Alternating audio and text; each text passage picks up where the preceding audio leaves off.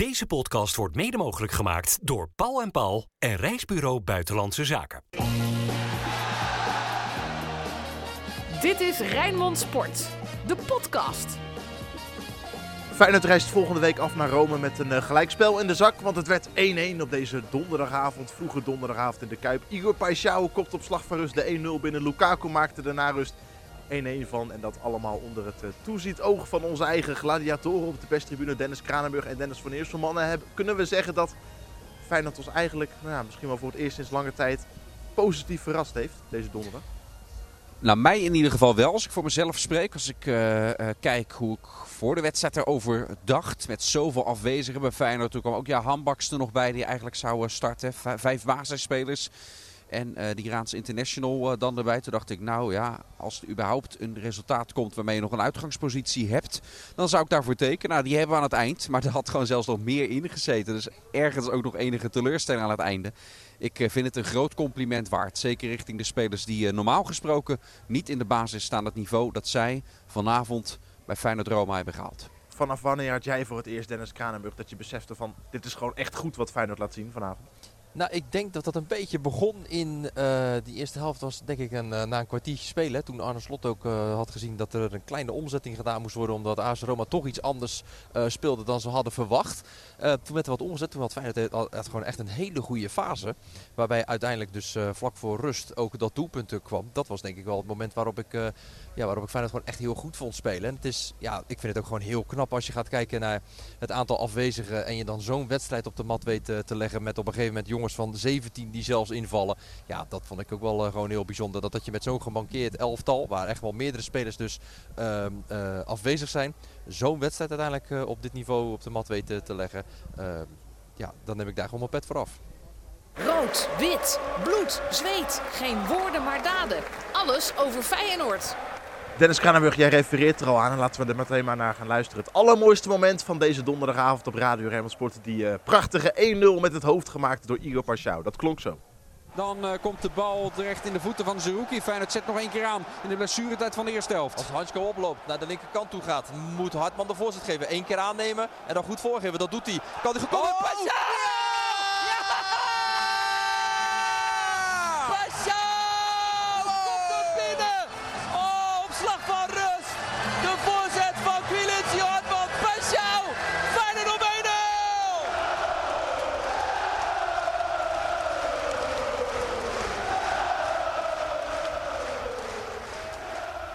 Ja, heerlijk moment was dat in de Kuip. Hoogtepunt van de avond, hè? neem ik aan.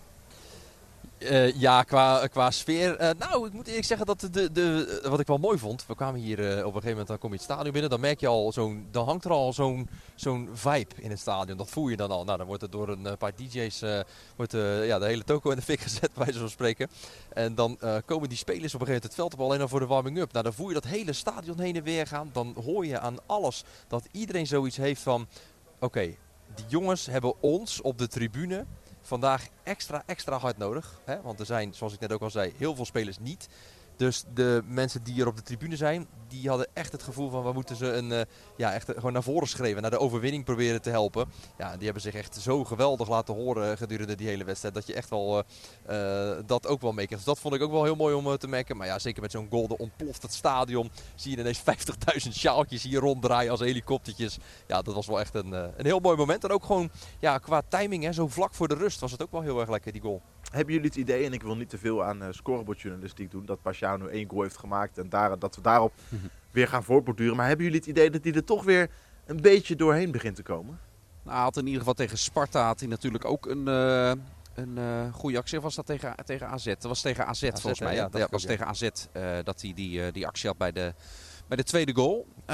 dus ja, het begint, begint weer wat meer te komen. En, nu maakt hij zelfs een doelpunt in een, in een hele grote wedstrijd weer een keer. Dus maar hij moet die lijn wel doortrekken. Hij moet, hij moet stabieler worden. Eigenlijk de stap die Luis Sinisterra, zijn, zijn voorganger, want hij speelt nu aan de linksbuitenkant.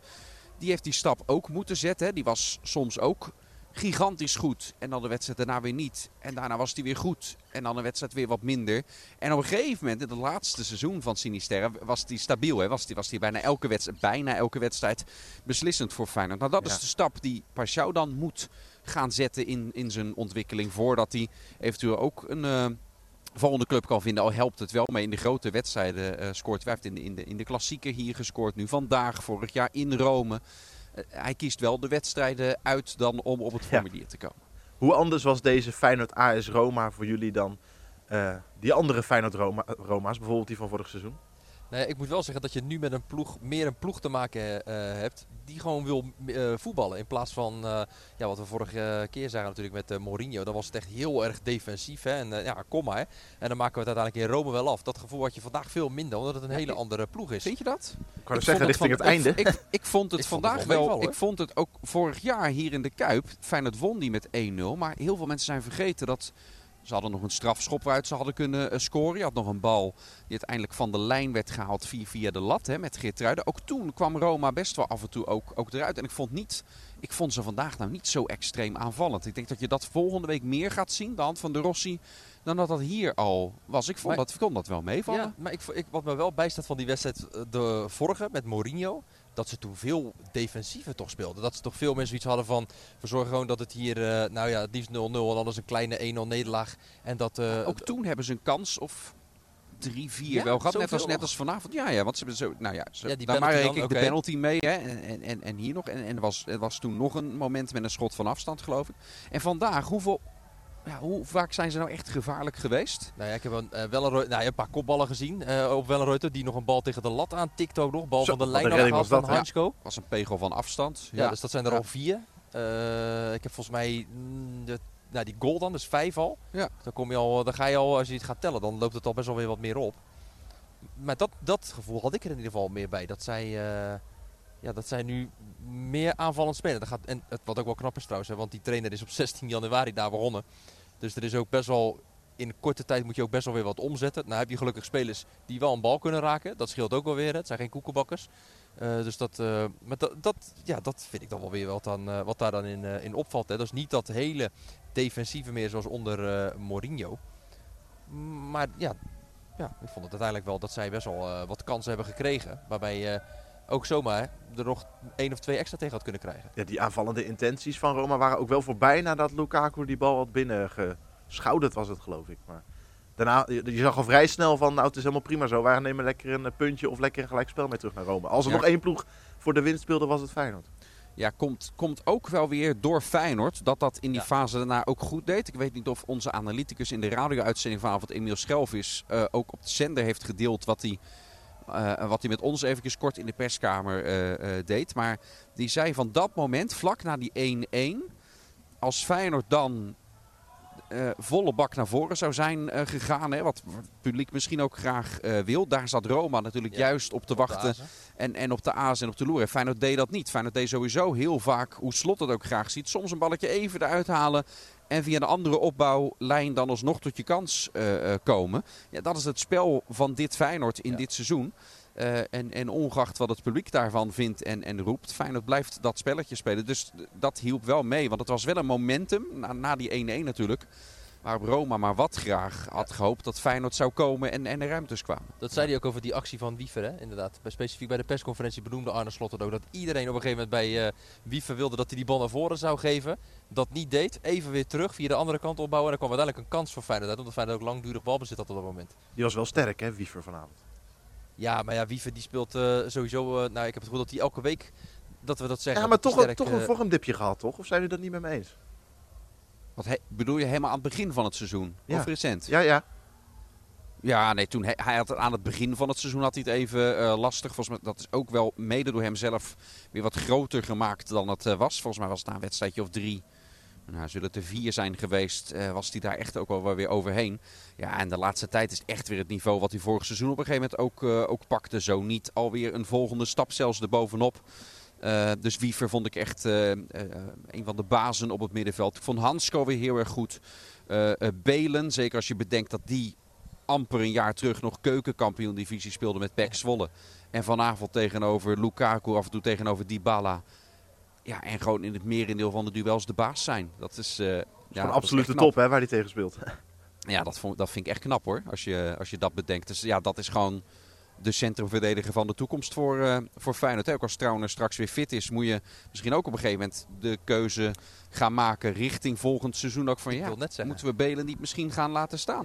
Nou, dat we daar überhaupt nu al over hebben. Want het is ook nog pril, bedenk ik me. En Belen gaat vanzelf ook een keer een foutje maken. En uh, nou, dan staan de criticasters uh, vooraan. En dan gaan ook wij uh, kritisch zijn. Want zo makkelijk gaat dat vanaf de kant. Maar het feit dat ik dit nu al opwerp. zegt denk ik genoeg en is een enorm compliment ook naar Thomas Belen. Ja, misschien wacht hem wel een scenario Mats Wiever. Vanwege blessures, echt niet uit. Vanwege blessures elders in het elftal in de ploeg komen en er gewoon niet meer uitgaan. Ja, sluit ik echt niet uit. Nee. Was hij, is, was hij jullie, als we op de spelers individueel inzoomen, jullie meest positieve verrassing van deze donderdagavond? Ja, nou, ja zeker. Zeker als je gaat kijken, hè, want we hebben het aan de voorkant gezegd van uh, ik ben heel benieuwd hoe hij zich houdt ten opzichte van inderdaad namen als Lukaku en Dybala. En als je dan ziet hoe hij zich vandaag ook uh, staande houdt, inderdaad, met gewoon, uh, gewoon de duels aangaan, vol erin gaan. ook proberen soms net even iets slimmer te zijn. ik vond het mooi dat in de tweede helft er een duel was. Dat hij echt zijn lichaam tussen de bal en Lukaku moest houden om er een ingooi over te houden. Ja, dat deed hij gewoon. Nou, ik weet niet of je Lukaku wel eens goed hebt bekeken. Die is vier keer zo breed als Thomas Belen ongeveer. Minstens. Maar ja, die hield hem wel gewoon echt vanaf. Dat je echt dacht van, ja, het maakt hem ook niet zo heel veel uit. Hij is ook niet zo heel erg onder de indruk. Vind ik dat ook wel mooi van, van zo'n heksenketel of spelen tegen uh, grote clubs, grote namen die hij misschien... Uh, uh, nou ja, hij is 22, Lukaku is 30. Dat hij misschien zeven jaar geleden al zat te kijken naar Lukaku. Dat hij dacht, jeetje, dat is een goede voetballer zeg. Ja, nu speel je tegen hem. En, en, en speel je gewoon een dijk van een wedstrijd. Dus ik vond Belen echt, ja, echt een hele goede indruk maken. Over niet onder de indruk gesproken. Die Givaio Reed, 17 jaar, die debuteert dan tegen AS Roma.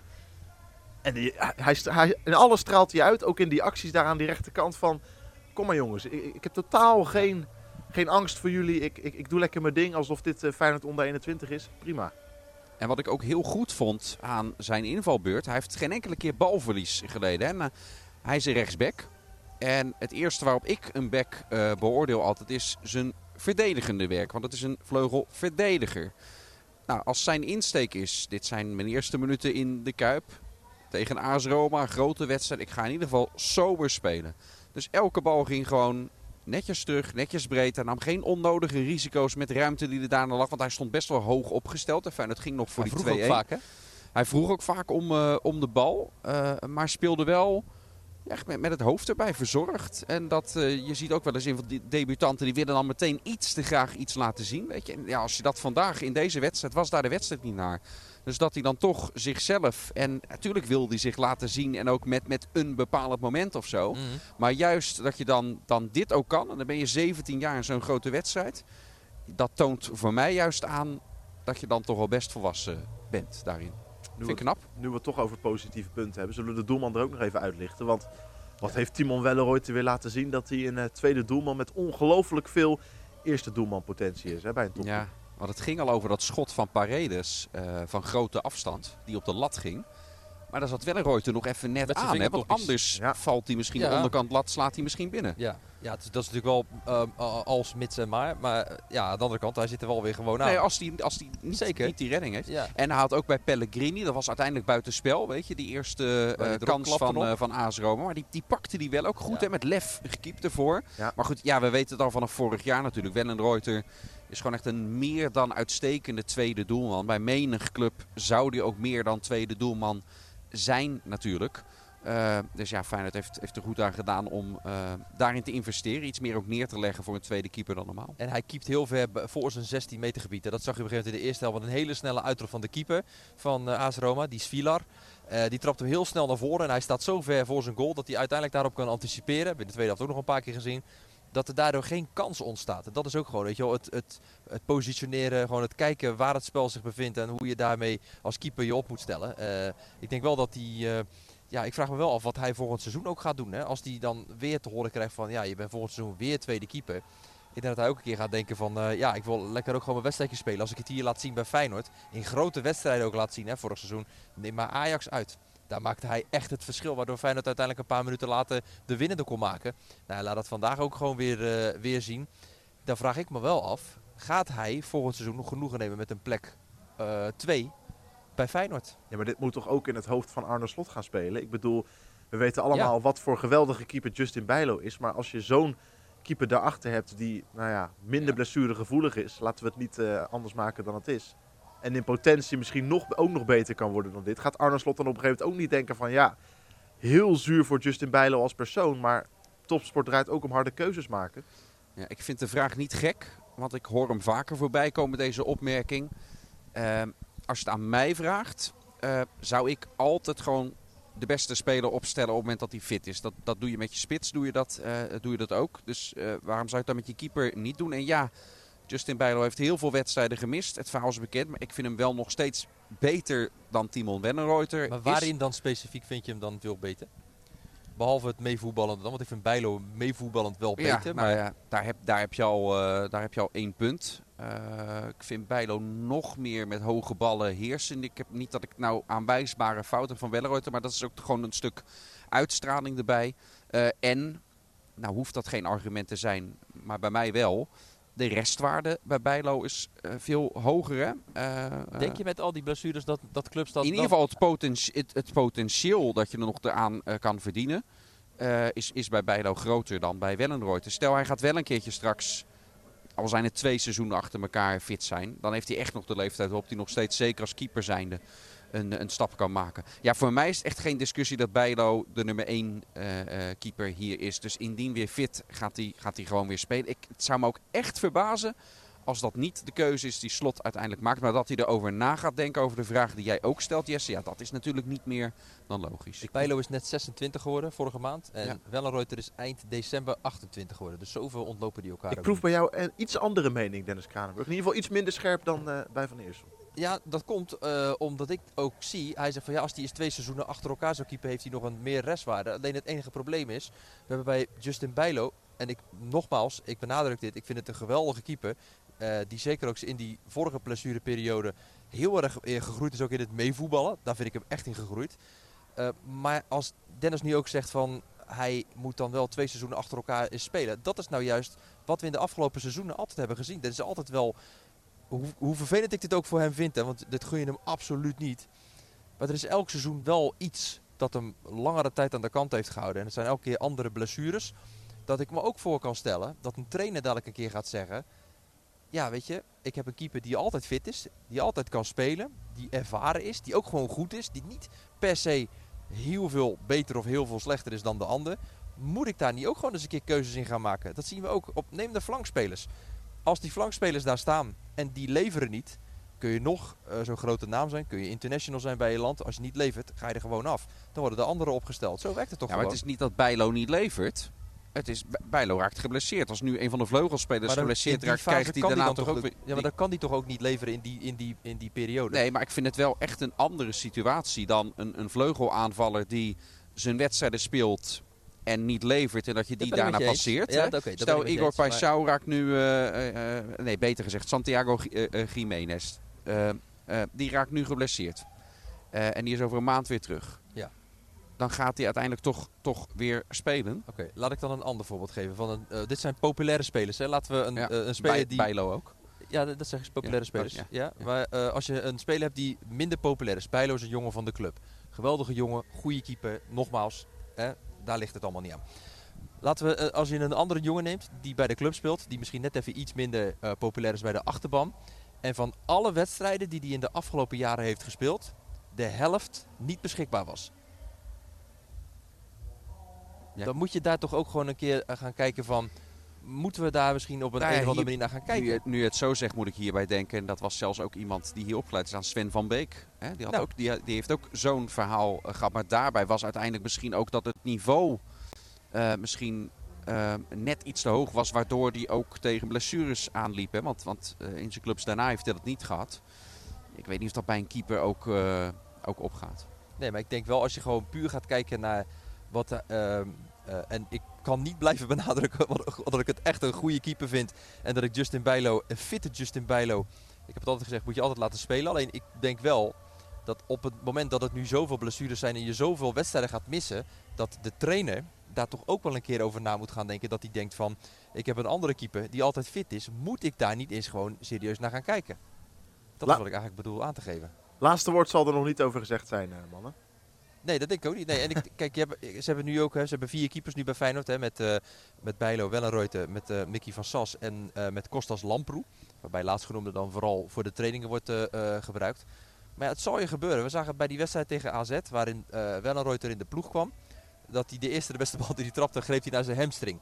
of naar zijn beelspier. Weet je, kan je dat nog herinneren? Mm -hmm, ja, dat zeker, hij er ook nog eens eventjes uit zal zijn. Ja, dan heb je dus gewoon echt een heel groot probleem. Ja, maar dat wordt natuurlijk heel erg uh, als, als uh, scenario's praten. Ja, maar ik ben gewoon heel benieuwd hoe het op termijn zal gaan als uiteindelijk Bijlo... Ja, die wordt wel weer een keer fit, maar uh, ja, hoe dat uiteindelijk verder zal gaan. En ja, we weten allemaal, geweldige keeper, jongen van de club, aardige gozer. Daar ligt het echt allemaal niet aan. Maar Wellenreuter is dan geen jongen van de club, ook een geweldige keeper, ook een aardige gozer. Ja, dat ik me dat... Ik kan me dat wel voorstellen als die keuze dadelijk een keer wordt gemaakt. Wat vonden we van de UEDA vanavond? Ueda heeft uh, nou, veel arbeid verricht. Heeft in de beginfase had hij wat pech. net al een metertje verder was, denk ik dat de bal op de stip was gegaan. Er werd achterover getrokken, dat werd niet gezien. Maar het was er buiten, dus de VAR greep uh, niet in. Ja, hij had het opnieuw, uh, opnieuw had hij het moeilijk.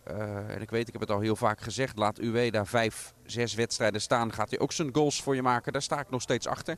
Tegen Sparta was het niet zijn avond. Uh, ja, dit is op een, op een niveau uh, waarbij het moeilijk is. Hè. Jiménez heeft ook maar één kans uiteindelijk gehad met zijn invalbeurt. Uh, dus, maar heel opvallend was, was Ueda niet.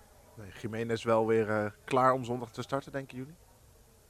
Ja, hij kon vandaag maar een half uurtje meedoen. Dus ik vraag me dan af hoeveel dat dan die paar dagen tijd ineens kan toenemen. Gaat het dan in één keer van in drie dagen tijd van 30 naar 90 minuten? Of van 30 Daar naar 60 ik... misschien. Ja. Ja, dat denk ik dan eerder. Ik denk eerder dat hij dan misschien wel met hem start. En dat hij hem dan het laatste half uur uh, eraf had. Of als het bij wijze van spreken uh, na 50 minuten al 3-0 zou staan. Ik noem maar een dwarsstraat. Dan uh, zou ik me ook voor kunnen stellen dat Arne Slot gaat zeggen van... We, halen, we halen hem gewoon nu alvast eraf. Om daar gewoon geen risico mee te nemen. Want hij, heeft, hij weet ook, hè, Jiménez die zal altijd zeggen: nee, het gaat wel, ik kan spelen. Ja. Omdat hij gewoon heel graag wil. Dus die moet ook dat nog proberen een beetje te managen als trainer zijnde. Dat je ja, wel ook aanvoelt van. Hij zegt wel, ik kan spelen. Maar is het ook wel verstandig met wat uiteindelijk de medische staf daarover zegt. Dus. Buiten Jiménez trouwens ook Geertruida en Timber. Zouden best eens zondag hun rentree bij Feyenoord weer kunnen maken. Uh, ik vroeg Slot ook al even voor een week verder, voor Roma uit.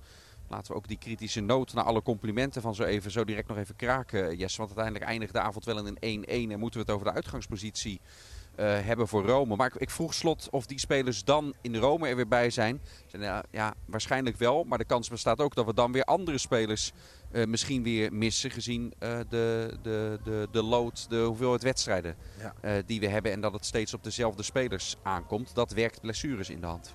Over zondag gesproken allereerst maar even. De glazen bol. Iets andere ploeg dan AS Roma komt zondag naar de Kuip. Maar zeker niet te onderschatten. Het RKC Waalwijk van Michiel Kramer. Kwart voor vijf, aftrap. Dennis Kranenburg noemde net al 3-0 na 50 minuten. Uh, ja. Is dat ook je eindstand, uh, Den? Ja, trouwens, 1-1 uh, had je goed uh, ja, voorspeld. Alleen je had Lukaku als eerste doelpunt te maken. En zo snoeihard zijn deze regels opgesteld door Frank Stout. Als, als het andersom was geweest, had je ja. Vijf punten kunnen bijschrijven. Nu twee, als, maar wel als enige. Ja, daar doe ik het ook voor. Ja, daar is voor mij ook geen begin aan, want die Peter van Drunen, dat is een aardige gozer. Maar die voorspelt gewoon dat Roma wint van Feyenoord in de Kuip. Dat had ik natuurlijk nooit voorspeld. Daardoor ben ik nu gezien in het klassement. Nee. Ja. ja. Ja, moet je er vaker zijn. Ja, ja precies. Ja. ja. Nee, Jij gaat carnaval vieren. Jij gaat carnaval vieren. Ja, dat is waar. En dan krijg je dit drun. Ja. Gestraft, zegt, gestraft omdat ik leuke dingen doe in mijn leven. Ja, ja, doe dat gewoon leuk niet. Wat is dat Dit nou? is toch ook leuk wat we nu aan het doen nee, zijn? Nee, tuurlijk, tuurlijk, tuurlijk. Geen twijfel. En jij mag gewoon in die radiostudio van ons in je Arabierenpak gaan zitten hoor. Daar is ja. niks mis mee. Willy Wonka pak, hè? Willy Wonka pak. Of in zo'n mankini. Ja, ja, mooi man. Dat was met mijn vrijgezellenfeest met, uh, met Rijnmond daar zo geweldig door jullie uh, geregeld. Toen, toen kwam uh, de keuze, hè? dus we zaten boven het eten. We hadden karaokefeest uiteraard, hè? want ik, ik hou van karaoke. Ja. En er waren er drie kledingopties, maar die kwamen één voor één. Ik moest de keuze maken. Toen kwam optie 1 was een shirt van Ajax. No ja, go. Nou, gewoon next. Weet je, maakt niet uit wat, wat er volgens is. Dat, ja, daar kan ik me niet in vertonen natuurlijk. Uh, de tweede was zo'n mankini. Dat was, uh, dat was next eerder Stond voor de rest. Goed. dat was eerder goed. voor de rest. Hè? Dat, dat, dat, uh, en toen uiteindelijk werd het zo'n Arabierenpak. Daar heb ik nog, nog foto's van. Echt een geweldige avond was, was dat. Ik heb nog een foto daarvan dat wij inderdaad bij die karaoke stonden. Jij, ik en Sinclair Bisschop. Ja. En dat was zo'n foto dat je net op zo'n uithaalmoment in zo'n liedje zit. Er stonden alle drie met onze mond open. Dat je dacht van... Oké, het busje komt zo voorgereden. zo. Alle drie met, die, met die bakkers open. Ja, Super, mooi. Super. Dit was, Ja, voor, dit maar- was vorige eeuw, toch? Voor de duidelijkheid. Nee, ik ben wel bijna 40. Eh, nee, ik ben getrouwd in 2011. Oké. Dus eh, dat is gewoon deze eeuw. Nou, mooi zijstraatje was dat. Feyenoord RKC. Feyenoord RKC. Dat ging worden. Ja, dat was inderdaad je vraag. nou, eh, eh, ja, RKC eh, zit natuurlijk eh, onderin. is een mooie club. Ja, ja nee, ik ga inderdaad, ik ga gewoon voor die 3-0. Joh, doe maar joh. En de eerste? Jimenez.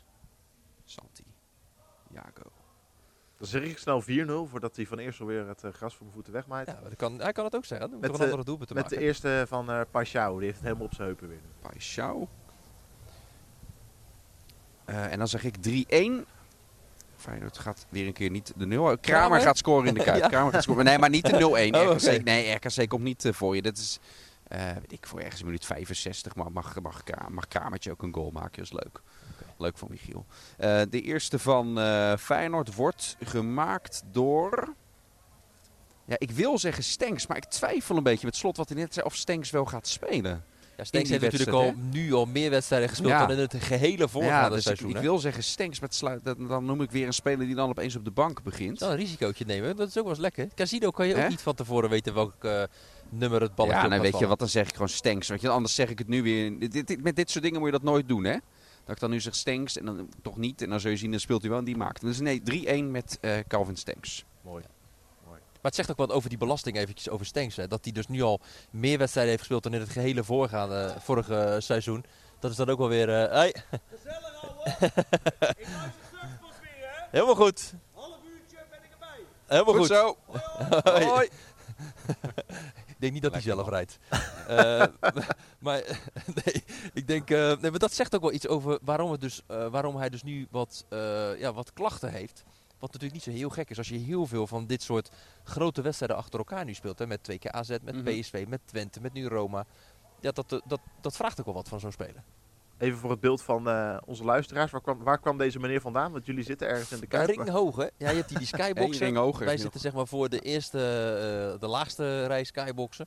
En bij de box, een van die eh, boxen daarboven, daar kwam deze meneer eh, vandaan. Nou, daar is het nog gezellig dus.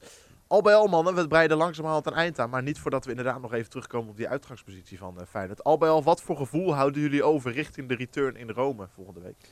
Ja, dat is dan, als je deze podcast hebt gehoord, met, met alle complimenten. Maar dat komt door alle afwezigen ook. En, en individuele prestaties. Als ik nu de balans opmaak. En gelukkig tellen uitgoals niet meer dubbel. Hè. Dan was een 1-1 thuis helemaal een slechte uitgangspositie. Maar dan vind ik een gelijkspel eh richting Rome vind ik nog steeds. En gezien de omstandigheden en, en het wedstrijdbeeld is dit misschien wel een terechte uitslag. Een goede uitslag. Maar als het gaat om uitgangspositie is die natuurlijk niet goed. Eh Feyenoord zal daar moeten winnen. Of met een gelijkspel richting penalties eh, moeten gaan. Ja, ik, Rome is na deze 1-1 hier in de Kuip. Ja, ze waren misschien al op voorhand de favoriet op basis van de laatste twee seizoenen, de onderlinge resultaten. Nu na deze 1-1 zijn zij gewoon de grote favoriet om, eh, om door te gaan. Ik had het graag anders eh, gezien. Hoe sta jij erin, Dennis Kranenburg? Ja, ik zit ook nog eens een beetje te denken inderdaad. Hè, want eh, er zijn natuurlijk gewoon veel spelers niet. Hè. Ehm, kijk, je gaat eh Bijlo en Trouwne, die ga je niet terugkrijgen. We hopen natuurlijk op Timbe en op eh Geert Truida, dat die er in ieder geval weer bij zijn. Ja, en als je dan gewoon gaat kijken wie dan... eh, ja, Jiménez die natuurlijk dan ook gewoon eh, waarschijnlijk wel weer langer kan eh, spelen. Maar kijk nou eens met welke jongens je nou vandaag toch uiteindelijk gewoon gelijk speelt. Hè? Met inderdaad Belen die dan moet spelen. Met uiteindelijk ehm, eh, Reed die invalt. Met Milambo die nog in de ploeg komt. Als je nou eens gaat kijken wie er aan de andere kant ook gewoon in staan. Er staan gewoon twee wereldkampioenen alleen al in. Hè? Met eh, Paredes en met Dybala. Nou, je hebt allemaal grote spelers die nog bij AS Roma op het veld staan. En je speelt dan hier 1-1. Nou ja, ik denk dat... Kijk, zij zullen ook gewoon moeten daar. Hè? Dus ik denk dat er echt wel gewoon mogelijkheden gaan eh, komen voor Feyenoord. Ja. Ik wil best ook wel een glazen bolletje gelijk al doen voor volgende week. Nee, Het die gaat- doen we zondagavond. Het, het maar gaat gewoon die gebeuren. doen we zondagavond. Maar ik, ik wil de pret niet drukken, Dan, maar dan, Jawel, dan lopen we ook Doe een je beetje... wel. Nee, maar je weet ook dat Feyenoord Europese uitduels winnen. Want dat moet je nu dus ik weet doen. het, ik weet het. Maar ook, ook dat gaat een keer gebeuren. Hoe langer Ja. het duurt, hoe Ja. dichterbij die Ik, komt. eh, ik hoop het jullie ook. Dit wordt zondag denk ik in het glazen bolletje weer vervolgd. Ik ga dit even Ja. laten bezinken, Jesse. Doe dat. En dan zondag kan, kan iedereen horen wat dan eh, als koploper van deze glazen bol eh, reeks mijn, ja. eh, mijn verdict Toch is nog over even, toch nog even statement maken. Toch Wie had het ook weer goed voorspeld vandaag? nee, oké. Even voor de. Dankjewel voor het luisteren naar deze podcast. Fijn, we Gaat maken er lekker eind aan. En eh, tot gebeuren. komende zondag. Het gaat gebeuren. Dit was Rijnmond Sport, de podcast. Meer sportnieuws op Rijnmond.nl en de Rijnmond app. Deze podcast werd mede mogelijk gemaakt door Paul en Paul en Reisbureau Buitenlandse Zaken.